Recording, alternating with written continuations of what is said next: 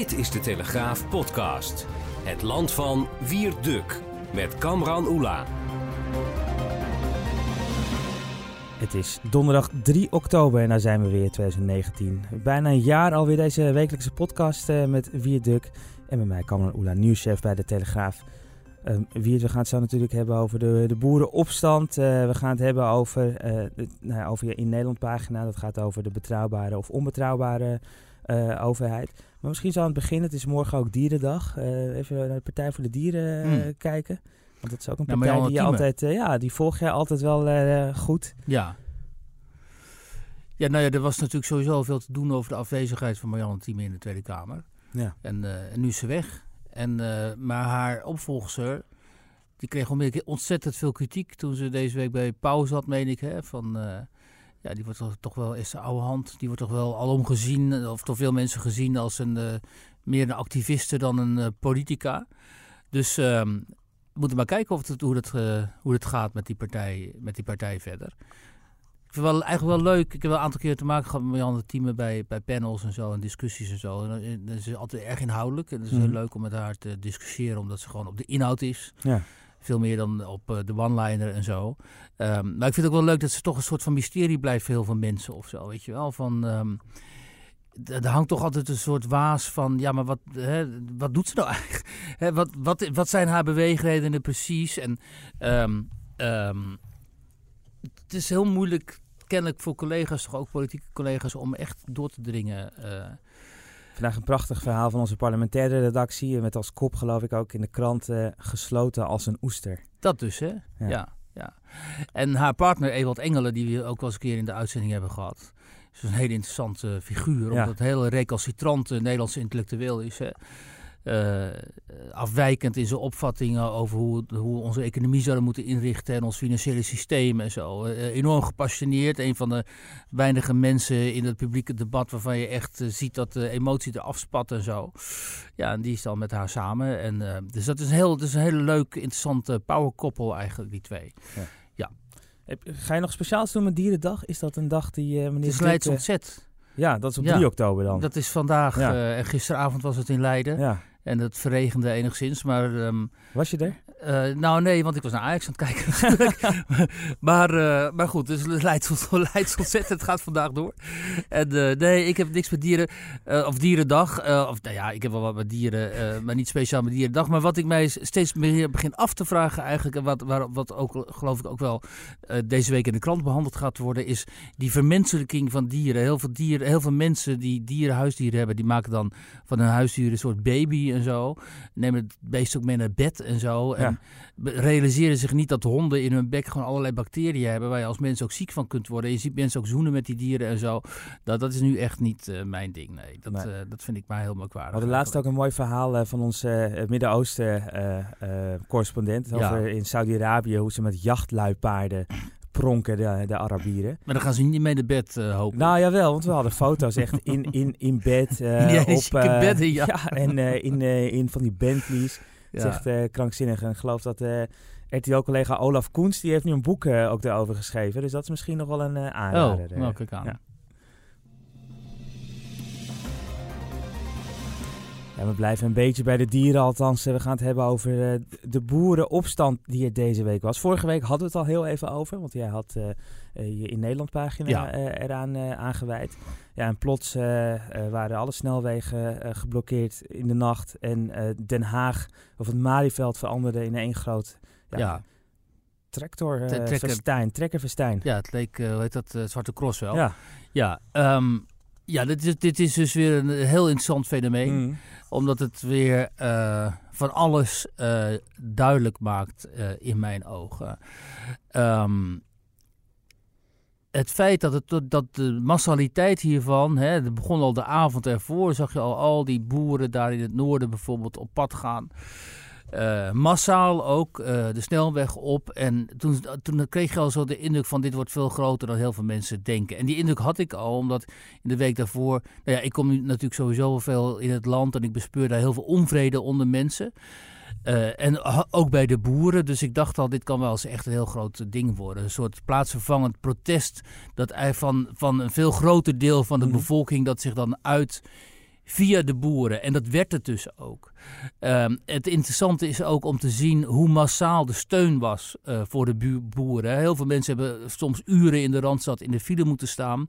En daarbuiten ook. Uh, en, um, daar weinig wanklank daarover. En er waren heel weinig wanklanken over. De wanklanken kwamen in dit geval van mensen die zich normaal gesproken aan de linkerkant van het uh, politiek spectrum bevinden. Hè? Zoals mevrouw Tineke Seelen, die is dan voorzitter geloof ik van het vluchtelingenwerk. Mhm.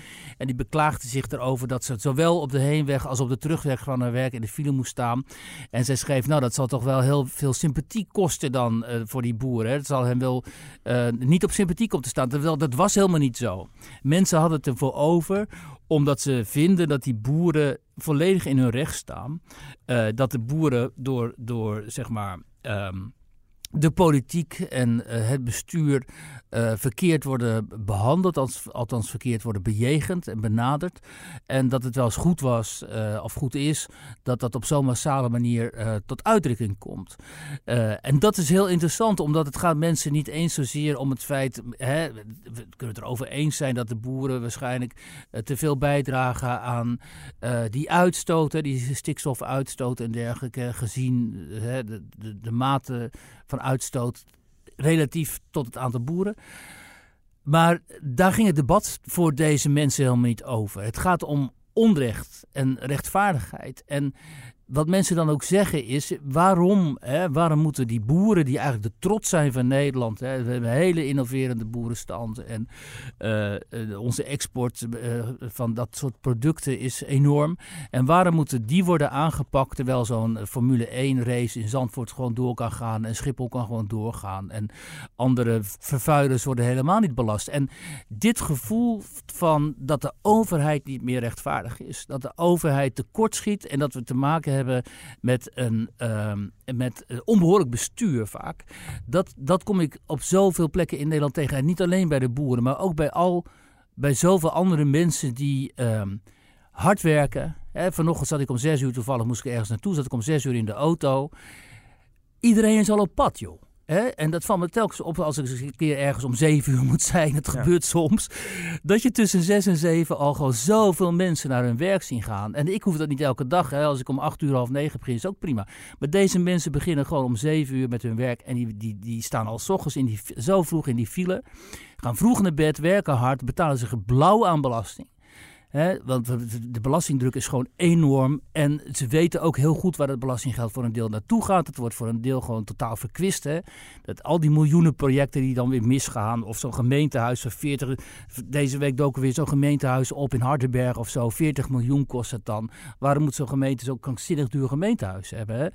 Dat is wat mensen zien. En die boeren die werken helemaal keihard. Die boeren waar ik des, vorige week de gast was. Um, in, uh, bij Veghel, die vertelde mij, ze gaan nooit op vakantie. En als ze op vakantie gaan, bijvoorbeeld naar, naar hun broer, hè, en de, de, de mannelijke helft van, de, van het boerenechtpaar, die heeft een broer in Ohio in de Verenigde Staten, want die zag het al jaren geleden hier niet meer zitten. Mm.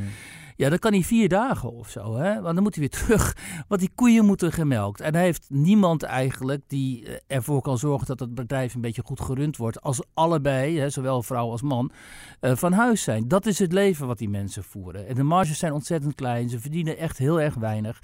En dan krijgen ze ook nog eens van een of andere uh, slimmerik van D66 te horen dat ze hun veestapel met de helft moeten reduceren. Misschien is het wel zo. Misschien moet die veestapel in Nederland wel worden teruggebracht. Uh, misschien moeten we inderdaad, of waarschijnlijk moeten we er inderdaad naartoe dat boeren die hun bedrijf niet meer willen voortzetten, dat die, worden uitgekocht en zo. Maar je kunt niet plomp verloren op een, op een uh, verloren namiddag door de week zeggen: joh, weet je wat, die boeren moeten hun veestapel voor de helft gaan reduceren. Dat is gewoon een affront. En dat beschouwen zij ook als een affront. En het interessante is, wat ik al gezegd heb, dat, dat, dat door deze opmerking van D66, vanuit D66, dus niet alleen die boeren zo in hun hart werden geraakt, maar dit deel van de Nederlandse bevolking dat ik daar um, om zes uur s ochtends in de auto zie zitten, weet je wel, en dat dat dus een echt een snaar raakte. dat, mhm. dat is wat je merkte. En ik denk dat de politiek zich dat uh, enorm moet aantrekken en moet realiseren dat ze deze mensen aan, massaal aan het kwijtraken zijn. Ja. Het, het leverde met, meteen ook hè, prachtige plaatjes op natuurlijk op dat, uh, op dat Malieveld. Uh, onderweg ook, in de nacht werden stonden mensen gewoon langs de weg. Snolleke bolletjes van links naar rechts en zo. Ook nog, ja, dat soort ja. video's. Ja. Maar ook politiek. Geert Wilders kon daar zonder, ja. zonder hoe heet het, iets, een kogelvrij vest... Uh, gewoon bovenop een... Op die eh, trekken klimmen, trekken klimmen om uh, als een soort vakbondsleider de mensen toe te spreken. Ja. En alle politieke partijen waren ook aanwezig. Hè? Dat, ja, en ook Jesse Klaver, dat was natuurlijk moedig. Hè? Die ging er ook staan en die verdedigde gewoon zijn standpunt. Nou prima, daar kun je het mee eens zijn of niet. Maar hij stond er wel, dus hij, hij, hij verschuilde of verschool zich niet. Dus uh, ja, dan zie je dus. ja, dat is natuurlijk ook fantastisch. Je ziet dus, hè, er is ook zo'n prachtige foto van, zo, van, van een drone of zo. Van mm. het overzicht van dat Malieveld. Dan zie je al die trekkers daar op een rijtje staan. Al die mensen voor het podium. Al die trekkers, honderden.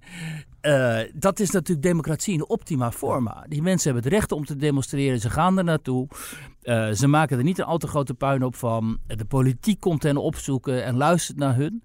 Uh, nou, het zou mooi zijn als de politiek ook echt naar hun luisterde. Maar ja, dit is dit. Hè, en daarna gaan ze weer terug. Maar ik vond het dus ook mooi democratie, zeg jij. Hè? Maar wel van twee kanten ook. Dus zowel op het veld, maar ook op het podium. Dat al die politieke partijen, ja, ook een Jesse Klaver, ook een Cheert de Groot van D66, daar gewoon zijn. Die werd wel weggehoond, hè, die man van... Ja, maar dat was dan ook het enige die werd weggehoond. En alle anderen kregen gewoon wel de kans om een verhaal te doen. En dat, dat, zo kan het ook, denk, denk nou ja, ik kijk, daarom, daarom ook... Ehm, er waren geen ongeregeldheden. Ze gingen niet op de vuist. Ze maakten er geen puinhoop van. Uh, dus je hebt te maken met volstrekt redelijke Nederlanders. Hè, die een probleem hebben, namelijk dat zij worden uh, uh, vinden zij, door de politiek. Um, Vervolgens was er dus één zo'n boer die reed daar rond met die Confederate vlaggen. Dat, dat is een soort gimmick op het platteland. De, de, Dukes of Hazzard zijn daar enorm populair. Daar zit die vlag ook in en dan rijden ze met die vlag rond. En dat, dan vinden ze dat, dat ze heel rebels zijn. En dat vinden ze zo de rebellie van het platteland. En dat werd dan weer onmiddellijk geframed. Het zo van, oh kijk, die extreemrechtse racistische boeren is. Hè, die, die rijden daar met die, met die vlag rond. Dat is niet terecht, omdat ten eerste is het één iemand. Ten tweede is het een soort van... van van, van gimmick, zeg maar. Hmm. Er zit heel veel ironie in ook. Echt slim is het ook niet. Als je het is niet slim het, het is een provocatie in zekere zin, maar de context waarin dit gebeurt moet je je ook realiseren. Mhm. En dat gebeurt zo vaak niet. En het is in ieder geval natuurlijk onterecht om deze boeren die zich daar verder gewoon totaal netjes hebben uh, gedragen, om die af te schilderen als een, als een stel uh, provocateurs hè, of, of uh, mensen die bereid zouden zijn om op de vuist te gaan en zo. Want dat was, dat was allerminst het geval, bleek. Dus dit zijn, je moet je wel realiseren dit zijn wel je kiezers. En de rest van je kiezers, die misschien niet agrariër zijn, maar een ander vak hebben, die bouwvakken zijn of chauffeur of hè, weet ik veel wat ze allemaal zijn.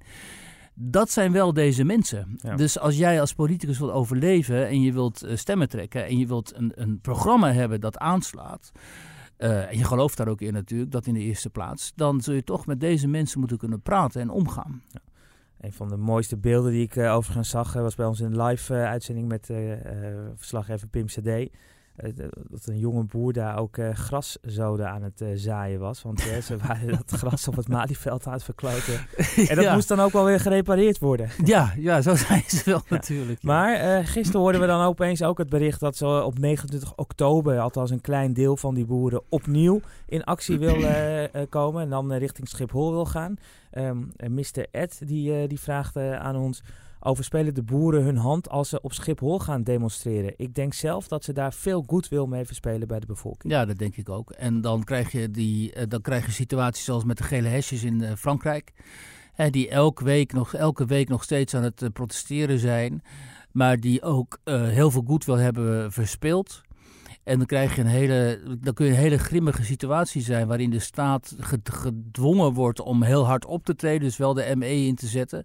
Waarin een klein deel van de boeren gaat radicaliseren en ook uh, misschien gewelddadig, gewelddadig gaat worden. En dat is nu per uitstek iets wat, wat niemand wil, lijkt mij. En dat, moeten ook de boeren niet willen, omdat juist nu hebben ze van een enorme meerderheid van de Nederlandse bevolking uh, uh, de goodwill. Ja. En die, moet je natuurlijk ook niet tegen je in het harnas gaan jagen. Het heeft ook helemaal geen zin om uh, normale burgers die ook voor hun werk moeten kunnen reizen en vliegen en zo, om die het leven onmogelijk te maken. Want die, die hebben jou in principe natuurlijk niks misdaan. En die nemen ook niet de belangrijke besluiten.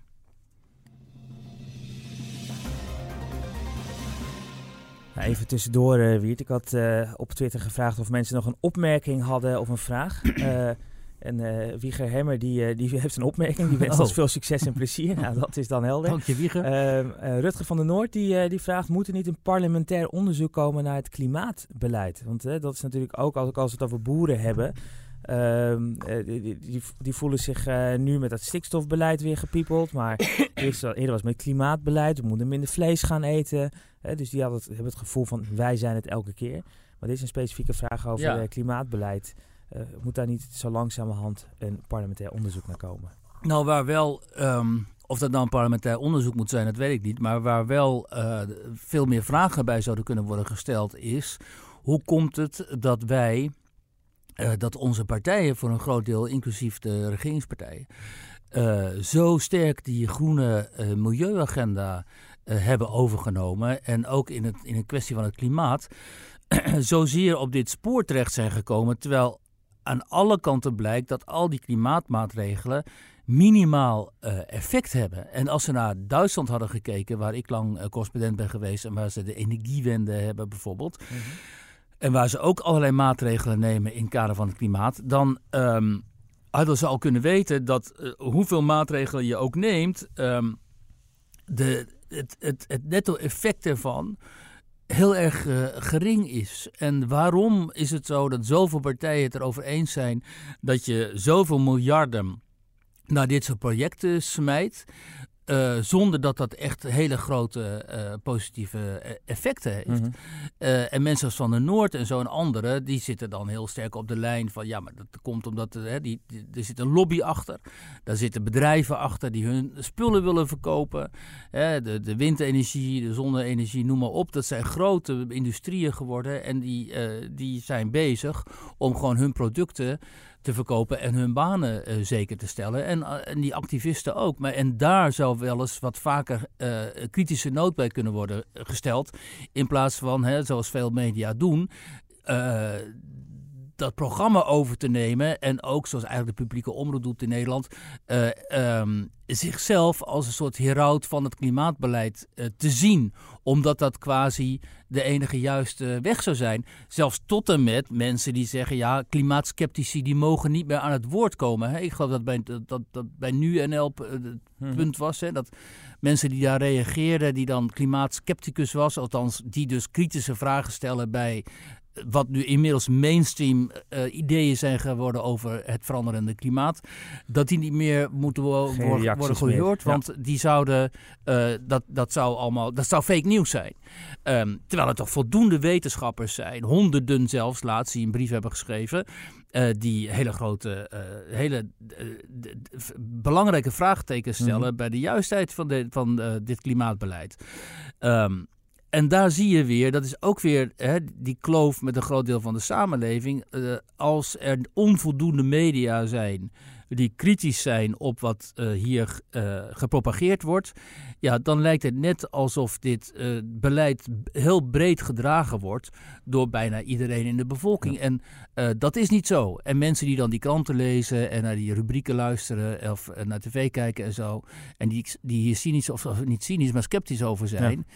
Die denken, ja, waarom wordt, waarom wordt er zo weinig kritiek geaccepteerd en geformuleerd? En dat is wel iets wat heel erg ontbreekt inderdaad voor een debat heb je twee meningen nodig, minimaal.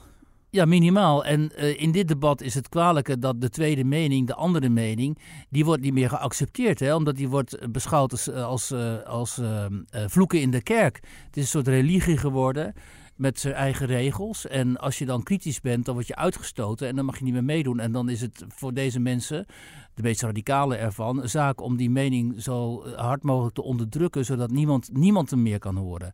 En dat is wel echt een hele erg uh, kwalijke ontwikkeling hoor. En overigens zei je net hè, dat uh, Nederland misschien ook nog even naar Duitsland moet kijken. Ik geloof dat het kabinet gisteren met zeven ministers en drie staatssecretarissen ja, in Berlijn was. Onder andere om het over klimaat te hebben. Ja, en over elektrische auto's en zo. Onder ja. andere, ja. Dus, nou ja, ze gingen even op bezoek bij de grote baas. Dat zijn jouw woorden.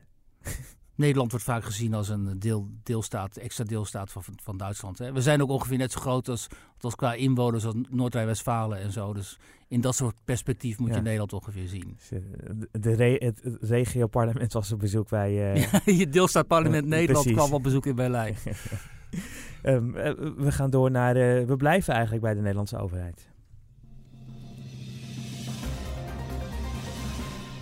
Want elke donderdag in de Telegraaf en ook op telegraaf.nl de rubriek in Nederland. Hè. Wiertje gaat elke keer de samenleving echt in om te, op zoek naar, naar verhalen. En vanochtend de kop de angst voor de overheid gaat niet weg. Ja, dit is een schandaal dat speelt al langer en dat, is, um, dat betreft het feit dat de Belastingdienst heeft geblunderd eigenlijk in het eh, quasi opsporen van fraude met kinderopvangtoeslagen.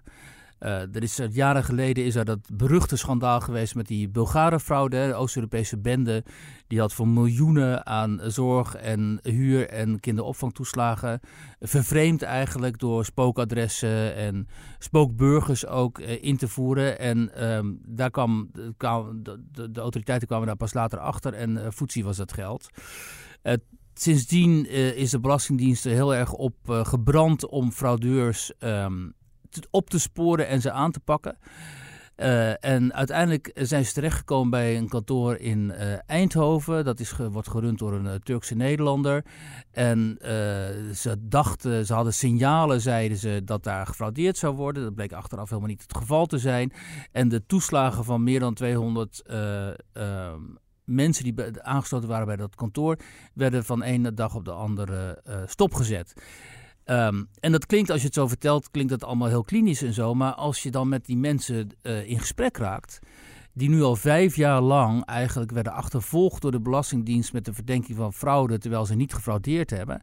Met de eis om soms tienduizenden euro's terug te betalen over die jaren 2012, 13 en 14.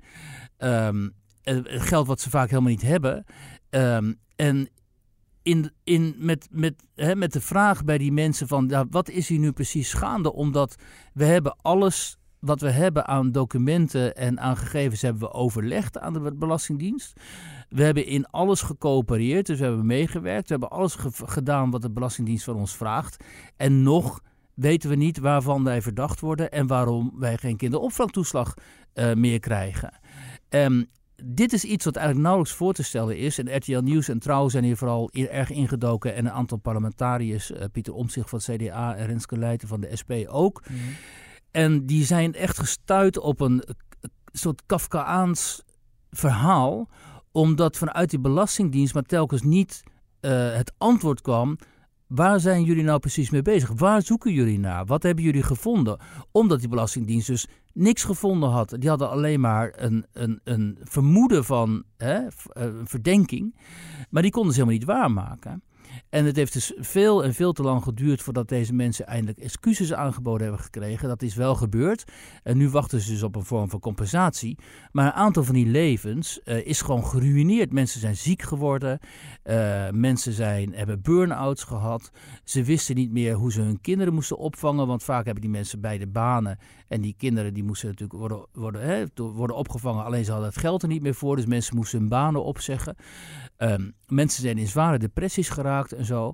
En ik vind het wel fascinerend, omdat precies dit is wat er kan gebeuren als je in de tang van de overheid terechtkomt. Hè? En uh, dan hoeft er maar iets mis te gaan en je bent de klos. Um, mijn stelling is altijd, toen ik terugkwam uit, uit Rusland en uit Duitsland, ik was lang correspondent geweest in het buitenland, toen kwam ik terug naar Nederland en toen merkte ik, als jij een middeninkomen hebt en je wilt overleven in Nederland, dan moet je met huid en haar aan de overheid overgeven. Als je een huis wil kopen, moet je gebruik maken van hypotheekrenteaftrek. Als je uh, je kinderen naar de opvang stuurt, moet je gebruik maken van kinderopvangtoeslag. Je moet al die toeslagen, hè, die hele molen van die toeslagen, daar moet je als je uh, onder in die middeninkomen zit, uh, daar moet je gebruik van maken. Anders kun je niet bestaan. Maar dat betekent dus ook dat je eigenlijk in, in, de, in de handen bent van de overheid. Dus het is een beetje een oorwelachtige mhm. situatie. Als je dat niet doet, als je dat niet doet en je wilt vrij zijn, zeg maar, een vrije burger, ja, dan moet je echt heel veel geld verdienen om, om vrij te kunnen zijn. Of je moet accepteren dat je dus in de greep van die overheid verkeert. En zoals mensen die in, het uitkeringssysteem zitten, zeg maar. Hè, die, maken dus, die hebben, zitten in de bijstand. En die maken gebruik van alle uitkeringen. Krijgen al die toeslagen en zo. Ja, en die overleven wel. Maar juist die mensen zoals die, die ik nu gesproken heb voor deze rubriek van mij die daar dan net boven zitten, maar wel op een of andere manier gebruik moeten maken van die toeslagen, omdat ze anders niet, niet, niet kunnen bestaan, zeg maar. Als die één foutje maken, dan worden ze zo vreselijk in een mangel genomen. En dan, dan kun je voor jarenlang echt de pineut zijn. Um, maar deze mensen voelen zich dus ook, uh, het thema komt vaker terug, nog niemand gehoord en nog niemand vertegenwoordigd als ik het zo lees. Die hadden echt zoiets van, ja, waar moeten we in vredesnaam naartoe? Want we weten niet eens waarvan we verdacht worden. Dus waar moeten wij ons tegen verdedigen? En toen heeft uiteindelijk een advocaat, uh, die is die hier opgegaan, mm -hmm. Eva González Perez de echtgenote overigens van die meneer van dat kinderopvang bureau, gastouderbureau in, in, in Eindhoven, dat verdacht werd. En die heeft zich hierin vastgebeten samen met die parlementariërs. En die is, echt, die is een strijd met de Belastingdienst aangegaan. En die wint dus ook. Uh, hè, en, um, uh, maar ook zij zegt, dit is gewoon een nachtmerrie. Omdat zij ook wordt tegengewerkt. Bijvoorbeeld uh, de Belastingdienst levert um, onvolledige dossiers aan in die rechtszaken. Dat is gewoon onwettelijk. Hè? Dus het is opmerkelijk is ook, en dat heeft hebben Omzicht en anderen ook, het hele parlement heeft dat ook al, al gezegd tegen de regering. Uh, die Belastingdienst overtreedt gewoon de wet. Hoe kan het zijn dat er afdelingen zijn in een overheidsinstelling die zo belangrijk is, die gewoon wetten aan hun, aan hun laars lappen. Hè? Ja, dat zijn in mijn ogen ook uh, een beetje Sovjetachtige toestanden. Hè? Dan zit je dus helemaal in die bureaucratie ben je, ben, je, ben je slachtoffer geworden van die bureaucratie. En die bureaucratie, die, die om jou nog eens, nog eens een keer verder te kunnen mangelen, die uh, gedraagt zich dus uh, illegaal. Ja, dat is echt bijna ongehoord hoor. En, uh, en als je dan, dan deze mensen spreekt en je ziet hoe die, hoe die levens voor een deel geruineerd zijn. En hoe, hoe vooral ook hun wantrouwen is gevoed tegen de overheid. Vanwege dat de overheid blijken van heeft gegeven onbetrouwbaar te zijn dat is echt ernstig. En dat, dat is ook wat ik, dus wat ik eerder al zei in deze uitzending, veel te vaak tegenkom in Nederland. Burgers die zeggen: Ik vertrouw de overheid niet meer. En als je de overheid niet meer vertrouwt in een, in, in een democratie mm. als die wij hebben, dan heb je echt een, een ernstig probleem. En het gebeurt veel te vaak dat, dat mensen dit tegen mij zeggen. En dat ze dan, hè, zoals deze mensen zeggen, ja, ik ga dus ook helemaal nooit meer een beroep doen op dat soort toeslagen en zo. En, want um, ik ben veel te bang dat ik weer in zo'n fuik terechtkom. Waardoor ze me weer helemaal gaan, gaan, uh, gaan uit, uitpersen en uitwringen. Want dit zijn uiteindelijk die persoonlijke verhalen achter de koppen die ook wij regelmatig hebben gehad. Als ik zo gewoon even eh, het, op het woord chaos en belastingdienst kijk. Ja. En dan 2018 schrijven we chaos bij Belastingdienst nog groter dan gedacht. Uh, dit jaar na een onderzoek beerput van ellende. Mm. Uh, chaos bij Belastingdienst verdwijnen honderden miljoenen staat ja. zich daar snel die eind vorig jaar nog zegt, ja, de chaos uh, die houdt nog wel even aan. Ja. Uh, of bij, maar ook bij andere instanties en zo'n CBR waar gedoe is en chaos is. En ja. uh, dat zijn die grote verhalen. Daar moet iets gebeuren, maar en vaak heeft, zijn gewoon individuen de pineut. Ja, en, en vaak heeft het natuurlijk wel te maken met bezuinigingen hè, en ambtenaren die gewoon veel te veel werk op hun tafel krijgen of hun bureau krijgen. maar het is ook een bepaald type mentaliteit. Zeker bij die Belastingdienst heb ik de indruk, en nou ja, anderen hebben er meer, veel meer over geschreven dan ik, dus die weten dat beter.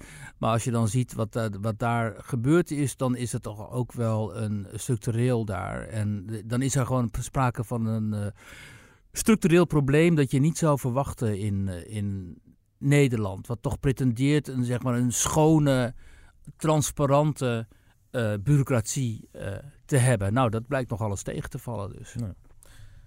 Wiet, we zijn er weer doorheen, denk ik, hè? Door, de, door de onderwerpen zo. Ja. Zijn er nog dingen die uh, deze week verder zijn opgevallen waar we nog even stil bij moeten staan? Behalve bij de regen, uh, uh, bedoel je? Nou ja, waar we waar natuurlijk. Ja, jij zit hier droog. ik, ik sta hier nat tegenover je. Ja, dat is ja. wel zo. Nou ja, waar het natuurlijk steeds over blijft gaan, uh, en dat is ook goed, dat is die, die drugscriminaliteit een groot interview vandaag eh, met Akerboom in de Volkskrant. En ik hoorde hem vanochtend ook op de radio. Uh, uh, en wat mij er opvalt in die analyse ervan... is dat er toch wel heel veel vertrouwen is bij deze mensen nog steeds op uh, oren in de wijk. Dus de wijkagenten die moeten terugkeren. En jongeren die moeten... Hè, we moeten jongeren, dat zei Akerboom letterlijk... we moeten voorkomen dat jongeren, de nieuwe generatie... ook terechtkomt in die drugscriminaliteit. En dan denk ik, ja, hoe dan? Want... Um, als een 17-jarige jongen weet dat als hij twee jaar lang even flink zijn best doet, dat hij dan miljonair is. Hmm. Dan kun je er honderden jongere werkers op zetten of wijkagenten. Maar dan gaat het, die gaan hem echt niet ompraten hoor. Want die denkt, die ziet dat miljoen liggen daar over twee jaar. Dus, um, en het tweede wat opvalt is dat er toch wel heel veel mensen zijn die pleiten voor uh, legalisering. En die denken dat als je drugs legaliseert, dat je dan het probleem oplost. Wat natuurlijk helemaal niet zo is. Want ten eerste moet dan de hele wereld mee gaan legaliseren. En dat gebeurt niet. En ten tweede, ook al legaliseer je, dan gaan die bendes gewoon andere dingen uh, verhandelen. Of ze gaan nog sterkere drugs op de markt brengen. Uh, die nog rampzaliger gevolgen, gezondheidsgevolgen kunnen hebben. En dus ook maatschappelijk ontwrichtende gevolgen. Dus ik hoor nog niet echt, behalve die aparte eenheid, die moet worden ingesteld. Mhm. behalve dat hoor ik nog niet echt, maar goed, ik ben geen crimineel expert natuurlijk. Echt, echt hele goede plannen. Ik zou zeggen, zet daar echt hele goede uh, special forces op. Hm. met hele grote. En, en, en, zet af en toe eens een keer een, een voorbeeld. Hè? Ja. Laat eens zien wat er met zo'n bendeleider kan gebeuren. Uh, als hij zich inderdaad zo brutaal manifesteert als uh, deze manier, die waarschijnlijk die moord op die advocaat ook te verantwoorden heeft. Misschien moeten we een keer collega Mick van Wely uitnodigen om ja. hier een soort thema-uitzending van te maken over de... Ja, dat zou heel goed zijn. Crime of the war on drugs. Ja, ja. En misschien iemand die ook een beetje links heeft naar de Mossad, zodat die dan ook tips kunnen geven hoe ze daar met dit soort terroristen omgaan. Ik heb inmiddels zoveel series uh, over de Mossad gezien dat ik inmiddels zelf deskundeloog ben op het uh, ja, thema. ik ook inderdaad. Tot slot nog, ja. een, uh, nog, nog iets wat deze week je hebt, hebt, gelezen, gezien, waarvan we denken, hey, dat kunnen we nog delen met onze trouwe luisteraars, want die luisteren nu nog steeds tot het einde. de, de, de boeken en ja, boeken, series, films. Joh, ik loop het zo achter. Ik heb deze week voor het eerst de Wolf of Wall Street uh, gezien met uh, Leonardo DiCaprio. Ja, en had niet vermoed dat het zo'n ontzettend grappige film ja, was. En is goed, hè? Ook interessant trouwens, en daar kun je dan wel, wel mee besluiten. Dat is hè, die film over een van de grootste oplichters ooit daar op uh, Wall Street. En die, hè, die zwaar miljonair werd en mm -hmm. uiteindelijk diep ten val kwam. en het personage waar deze manier dan op gebaseerd is of waar dit karakter op gebaseerd is, die uh, kwam dus, die, die geldt dus voor heel veel jonge mensen als een, als een held. Hè? Ja. Die, als hij dan naar de rij komt en zo, dan verkoopt het enorm uit en verdient hij daar weer heel veel geld mee. God. Met zijn verhalen over hoe hij ooit arme mensen heeft opgelicht. Hij reist de nou, hele wereld over om lezingen te houden. Ja, over wat, ja, hoe, hoe, hoe, kennelijk hoe... Hoe word je een foute man? Hoe word je een foute man? En dat is toch wel ook heel erg illustratief, vreselijk voor, de, voor onze tijdgeest. Dus uh, ja, ik, ik, zou zeggen van... Uh, uh, kijk wel naar die film, maar neem hem niet als voorbeeld. Nee, nou ja, ik bedoel, als, als iemand ergens in een zaaltje staat, dan kopen we een kaartje. Zo simpel is het. Ik geloof ja. dat iedereen uh, volle zalen 100 euro voor een kaartje was het ja. uh, destijds. Ongelooflijk. Nou, uh, voor de mensen die nog niet gezien hebben... de, ja, op Netflix hè, kun je al die oude films bekijken. Ja. Wiert, dankjewel. Het zit er weer op. En volgende week dan is het donderdag 10 oktober. En dan zijn we er weer met een frisse show.